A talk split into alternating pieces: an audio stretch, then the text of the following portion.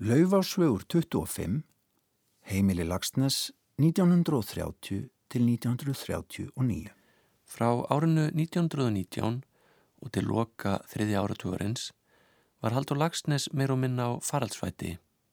Hann var meðal annars búsettur í Kaupmannöfn þar sem hann ætlaði að gerast rétthöndur og dönsku. Hann kom sér fyrir í klaustri í Luxemburg, sannferður um að það lægi fyrir honum að verða prestur En þegar það bráða af honum held hann til Ítalju, svo til Hollywood þar sem hann höfðist slá í gegn sem handritsögundur og svona mætti áfram telja. Í endurminningabókinni Skaldatíma frá árinu 1963 gerir Haldur grein fyrir því hvernig fagurfræði hans mótaðist á þessu tímabili en segja má að þar komi saman áhrif evrópsks mótinisma og þjóðfélagskaldsjónar bandarísku Afraksturinn byrtist meðal annars í þremur miklum skaldsögum sem allar komu út á fjórða áratugnum.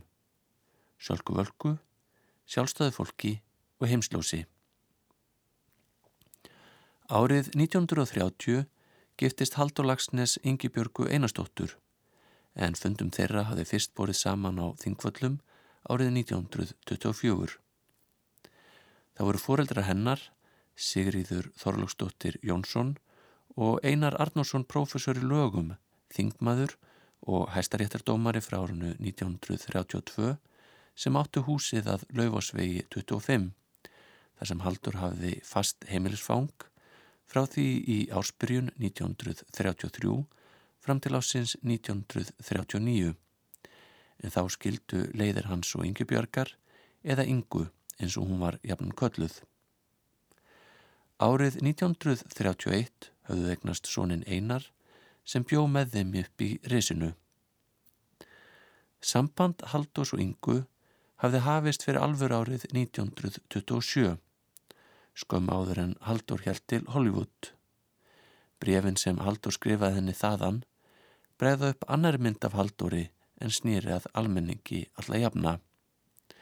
3. apríl 1928 skrifar hann til dæmis. Ó, elsku ynga mín, verður ekki gaman að hilsast næst eftir allar þessar laungu leiðir sem á mill okkar liggja. Eftir öll þau ævintýri, allt það þunglindi, allar þær ástríður sem tíminn hefur lagt á okkur síðan við tókumst síðast í hendur eitt rekkvöld fyrir svo laungu síðan. Inga, verdu viss, ég kem heim til þín eins fljótt og ég mögulega get. Þinn Kiljan. Þegar Haldur snýra aftur til Íslands 1929 var hann orðin sannfærður sósialisti. Hann létt mikið til sín taka á vettvangi stjórnmálana og var eindregin talsmaður Sovjetríkjana sem hann heimsótti í tvígang eins og lesa má um í ferða og áráðusbókunum í Östurvegi frá orðinu 1933 og gerskæfinturinu frá 1938. Haldur hafði djúbstæð áhrif á pólitíska skoðanir Íslendinga og raunar íbúa á Norðurlöndum yfir leitt og enn takast menn á um það hvenar og hvort Haldur hafi sagt skilið við sósialismann. Um trú sína á Sovjetríkin fjallaðan með gaggrínum hætti í skáldatíma sem sumir tólka sem pólitíst uppgjör. Sem pólitískur talsmaður var Haldur eindregin og afdrátturlaus. Það sama gildi eins og er ekkum skaldið. Skaldsugur Haldurs eru margrætta og fjall ekki síst um þau margvíslu átök sem eiga sér stað bæði innra með fólki og umhverfistað.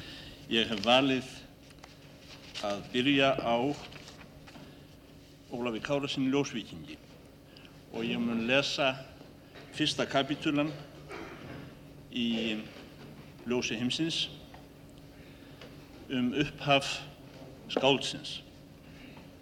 Hann stendur ásand tjaldi og sendlingi í fjöruborðinu, niður undan bænum og horfir á ölduna sogast að og frá. Kanski er hann að svíkjast um. Hann er tökubarn og þess vegna er lífið í brjóstið hans sérstakur heimur, annað blóð, án skildleika við hína. Hann er ekki partur af neinu en stendur utan við og það er oft tómt umhverfisann og langt síðan hann byrjaði að frá óskiljanlega hugun. þessi mjóa vík með léttri báru á sandi og litlum bláum steljum og klettum öðrum megin og grænu nesi hinnum megin. Það var vina hans. Hún hétt Ljósavík. Áttan þá öngvan af var hann þá engin góður nema þessi litla vík. Nei, engin góður. En það var heldur engin beinlínis vondur, þannig að hann þurfti að óttast um lífsitt. Það var ekki fyrir síðar. Þegar hann var hrektur, voru hrekkirnir mest í gamni. Vandin er að kunna taka því. Þegar hann var hýttur, spratt hýfingin af nöðsin. Það var réttlætið. Haldur las úr heimsljósi sem hann skrifaði meðan hann varði réttlæti Sovjetríkjana.